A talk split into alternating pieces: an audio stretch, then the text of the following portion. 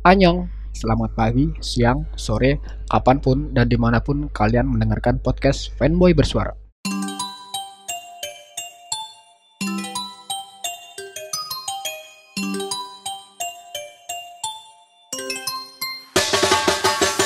Kali ini, yang bakal aku bahas yaitu adalah pentingnya support system dalam kehidupan mahasiswa.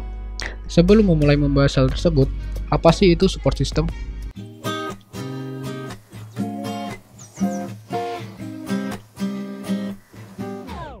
Melansir dari Mayo Clinic, support system merupakan individu yang memberikan dukungan, rasa hormat, dan perhatian kepada sesama individu lainnya. Selain itu, melansir juga dari Very Well Mind, support system ini juga menjadi komponen kunci dari hubungan yang solid dan kesehatan psikologis yang kuat. Mereka adalah orang pertama yang kamu temui saat menghadapi krisis pribadi dan membutuhkan bantuan segera. Mereka adalah orang-orang yang ingin kamu ajak untuk menghabiskan waktu bersama. Hubungan ini memainkan peran penting dalam cara kamu bertindak dalam kehidupan sehari-hari, dan pastinya untuk pengembangan diri sendiri. Para support system ini biasanya orang-orang yang dekat dengan kalian atau sering berkomunikasi dan selalu jadi orang pertama yang kalian ajak untuk berkeluh kesah. Bisa jadi keluarga, saudara, teman, atau pasangan. Menjadi seorang mahasiswa tentunya bukan merupakan hal yang mudah. Kehidupan tentu berbeda jauh dengan masa SMA. Tugas yang numpuk dari hari ke hari, dosen-dosen yang ngeselin terkesan asal-asalan, hingga stres karena teman-teman yang udah mulai pada sibuk sendiri-sendiri. Apalagi kalau kamu udah menginjak semester akhir.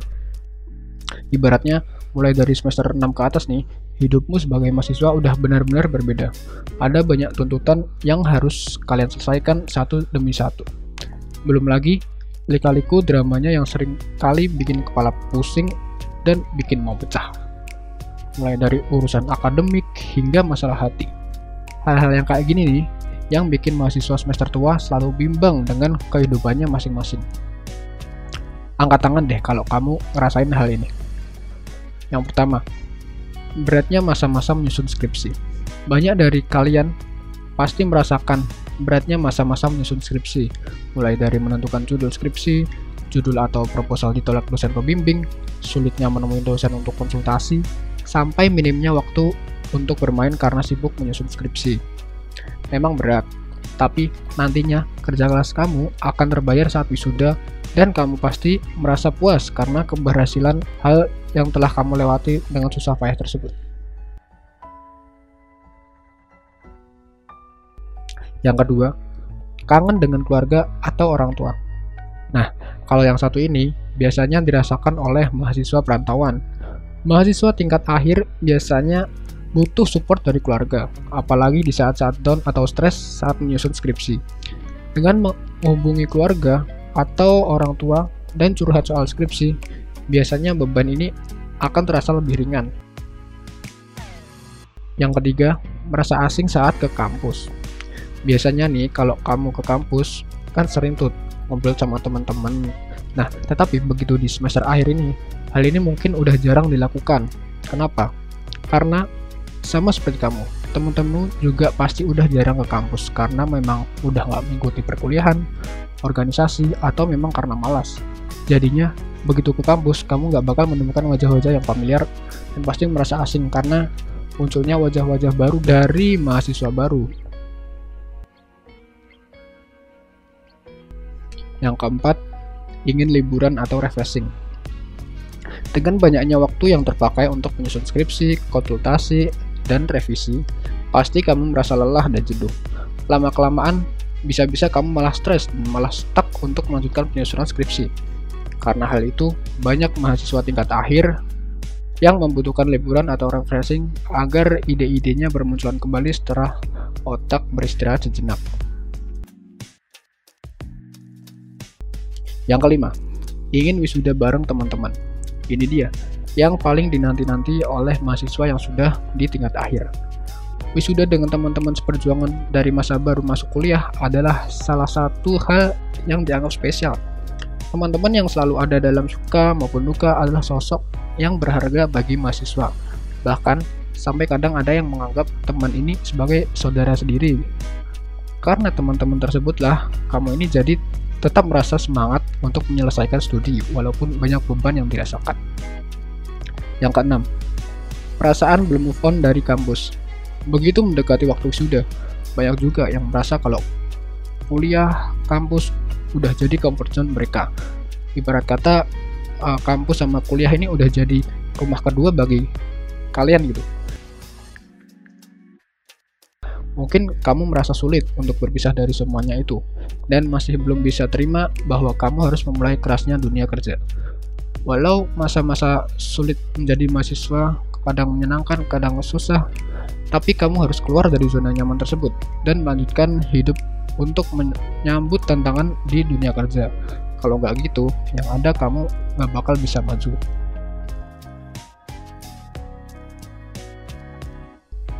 Yang ketujuh, menjadi lebih bertanggung jawab dengan penggunaan uang. Karena sedikit demi sedikit makin mendekati waktu untuk wisuda, berarti memang udah waktunya mahasiswa tingkat akhir ini memiliki planning yang jelas dalam hidupnya setelah lulus kuliah nanti. Kamu udah harus mulai merencanakan mengenai dunia kerja nanti, mulai dari mau bekerja di perusahaan mana, posisi apa, dan lain-lainnya. Tapi banyak juga yang masih bingung menentukan pilihannya, dan hal itu wajar aja kok.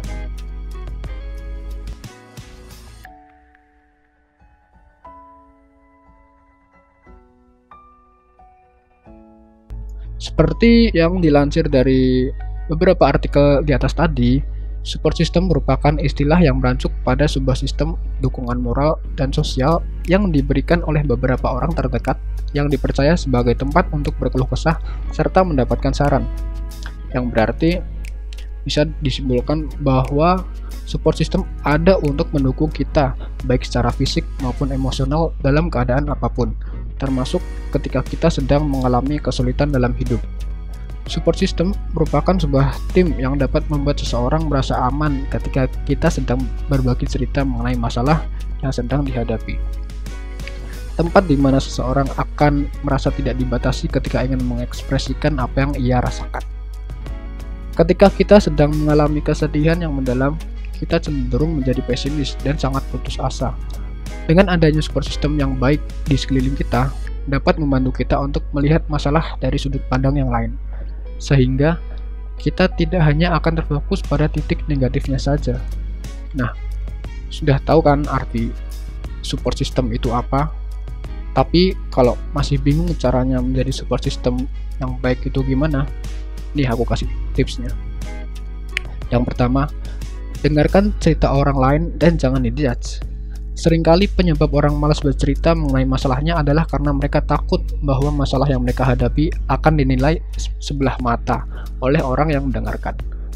Mereka takut bahwa jika orang lain tahu apa yang sedang mereka alami, orang tersebut akan mentertawakan dan mengatakan bahwa mereka adalah orang yang lemah. Padahal, setiap orang memiliki ketahanan dan kekuatan mentalnya masing-masing yang artinya belum tentu sesuatu yang dianggap mudah bagi kalian adalah hal yang mudah bagi orang lain. Yang kedua, jangan suka membandingkan masalah. Masalah lo gitu doang. Ah elah, coba bayangin kalau gue nih. Nah, kalimat tersebut pasti sudah agak asing kan di telinga kalian. Kalimat tersebut terkesan berusaha untuk menyemangati, namun justru memberikan efek sebaliknya membandingkan masalah kita dengan narasi bahwa masalah yang mereka hadapi bukanlah masalah besar adalah hal yang tidak patut untuk dilakukan. Karena seperti tips yang pertama tadi, setiap orang memiliki ketahanan dan kekuatan mentalnya masing-masing. Jadi jangan membuat mereka merasa bahwa masalah ataupun perasaan yang mereka rasakan ini adalah hal yang dibesar-besarkan. Hal yang paling dibutuhkan seseorang yang sedang berbicara atau bercerita mengenai masalahnya adalah dukungan emosional bahwa apa yang mereka rasakan itu valid. Yang ketiga, menghargai satu sama lain. Menghargai satu sama lain bisa dilakukan dalam berbagai macam bentuk, seperti memberikan kata-kata serta dukungan positif yang tulus, memberikan ruang kepada seseorang untuk menentukan sendiri keputusan terbaik bagi dirinya, memberikan saran yang baik tanpa ada niatan untuk menggurui, dan sebagainya. Yang keempat, kenali dan sayangi diri sendiri dulu. Nah, kalau dipikir-pikir, selalu mendengarkan cerita orang lain ini juga melelahkan. Terlebih ketika kita juga memiliki masalah tersendiri yang membuat kita sedih. Ada baiknya, sebelum kita menyanggupi untuk mendengarkan masalah orang lain, kita memberikan diri sendiri untuk mencerna apakah kita sedang baik-baik saja atau tidak. Menjadi baik untuk orang lain merupakan hal yang penting, tapi menyayangi dan mengenali diri sendiri merupakan hal nomor satu yang harus kita lakukan. Dengan kita dapat menyayangi diri sendiri, kita juga dapat memberikan kasih sayang yang lebih banyak kepada orang-orang di sekitar kita. Sebenarnya support system ini tidak melulu harus orang terdekat kalian juga. Contohnya aku deh. Aku adalah tipikal orang yang jarang cerita keluh kesahku ke orang terdekat yang aku kenal. Maka dari itu, caraku untuk mengembalikan rasa semangat dalam menjalankan kehidupan sebagai mahasiswa yaitu dengan menonton dan mendengarkan lagu idola kesukaanku, yaitu Girl Group Twice. Nah, ketika kalian memiliki idol atau idola, individu ini akan mengimplementasikan ke dalam dirinya dengan nilai-nilai atau hal-hal positif dari idola tersebut yang dapat ya di yang dapat diasumsikan yang dapat diasumsikan idola dengan segala perilaku dan atribut yang bersifat positif ini. Ketika hal-hal positif diimplementasikan atau dimasukkan ke dalam dirinya maka otomatis akan meningkatkan penilaian positif terhadap diri sendiri. Oleh karena itu muncullah perasaan bangga dan percaya diri. Karena dirinya mencerminkan sang idola yang notabene juga diidolakan oleh banyak orang. Dengan hanya mendengarkan lagu, menonton konser mereka secara online pun sudah membuatku merasa cukup terbebaskan dari segala problematika yang terjadi di dunia perkuliahan. Bahkan, jika dirasa masih kurang dalam membuat diri ini menjadi semangat dan senang kembali, biasanya aku dengan membeli merchandise seperti album lagu, photocard, poster, dan perintilan-perintilan K-pop lainnya yang meski terkadang dianggap adiktif, namun rupanya mengoleksi merchandise ini dapat cukup signifikan mengurangi tingkat stres pada diriku ini. Tapi ya kembali lagi ke diri kita sendiri sih.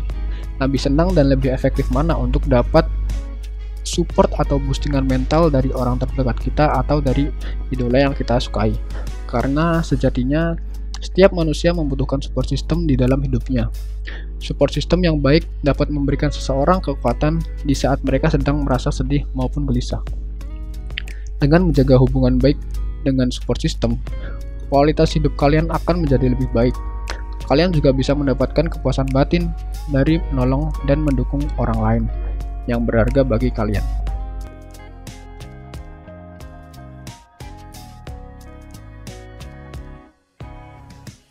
Support system juga berperan penting untuk membantu orang yang mengalami masalah tertentu, misalnya kecanduan alkohol atau narkoba.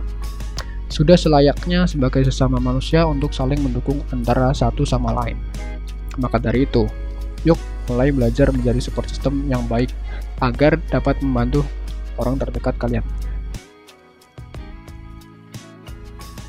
Dan satu lagi, Apabila kalian memiliki kesulitan dalam mengelola hubungan yang sehat atau mungkin merasa tidak memiliki siapa-siapa untuk menghadapi masa krisis yang kalian alami, jangan ragu untuk berkonsultasi dengan psikolog atau psikiater.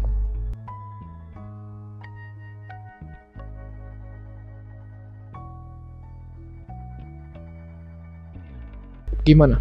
Udah cukup ngerti kan ya? Pentingnya support system dalam kehidupan mahasiswa. Jika kalian ingin lebih tahu mengenai pentingnya support system atau hal-hal yang lain mengenai kesehatan mental, kalian bisa cek website Very Well Mind. Di situ banyak informasi-informasi terpercaya yang membahas tentang kesehatan mental yang akhir-akhir ini sangat dibutuhkan bagi semua orang. Mungkin segitu dulu pembahasan kita tentang pentingnya support system dalam kehidupan mahasiswa. Semoga segala problematika yang kalian alami selama perkuliahan dapat segera terselesaikan dengan adanya support system yang tepat bagi diri kalian. Aku fanboy Baswara, pamit undur diri. Kansam Nida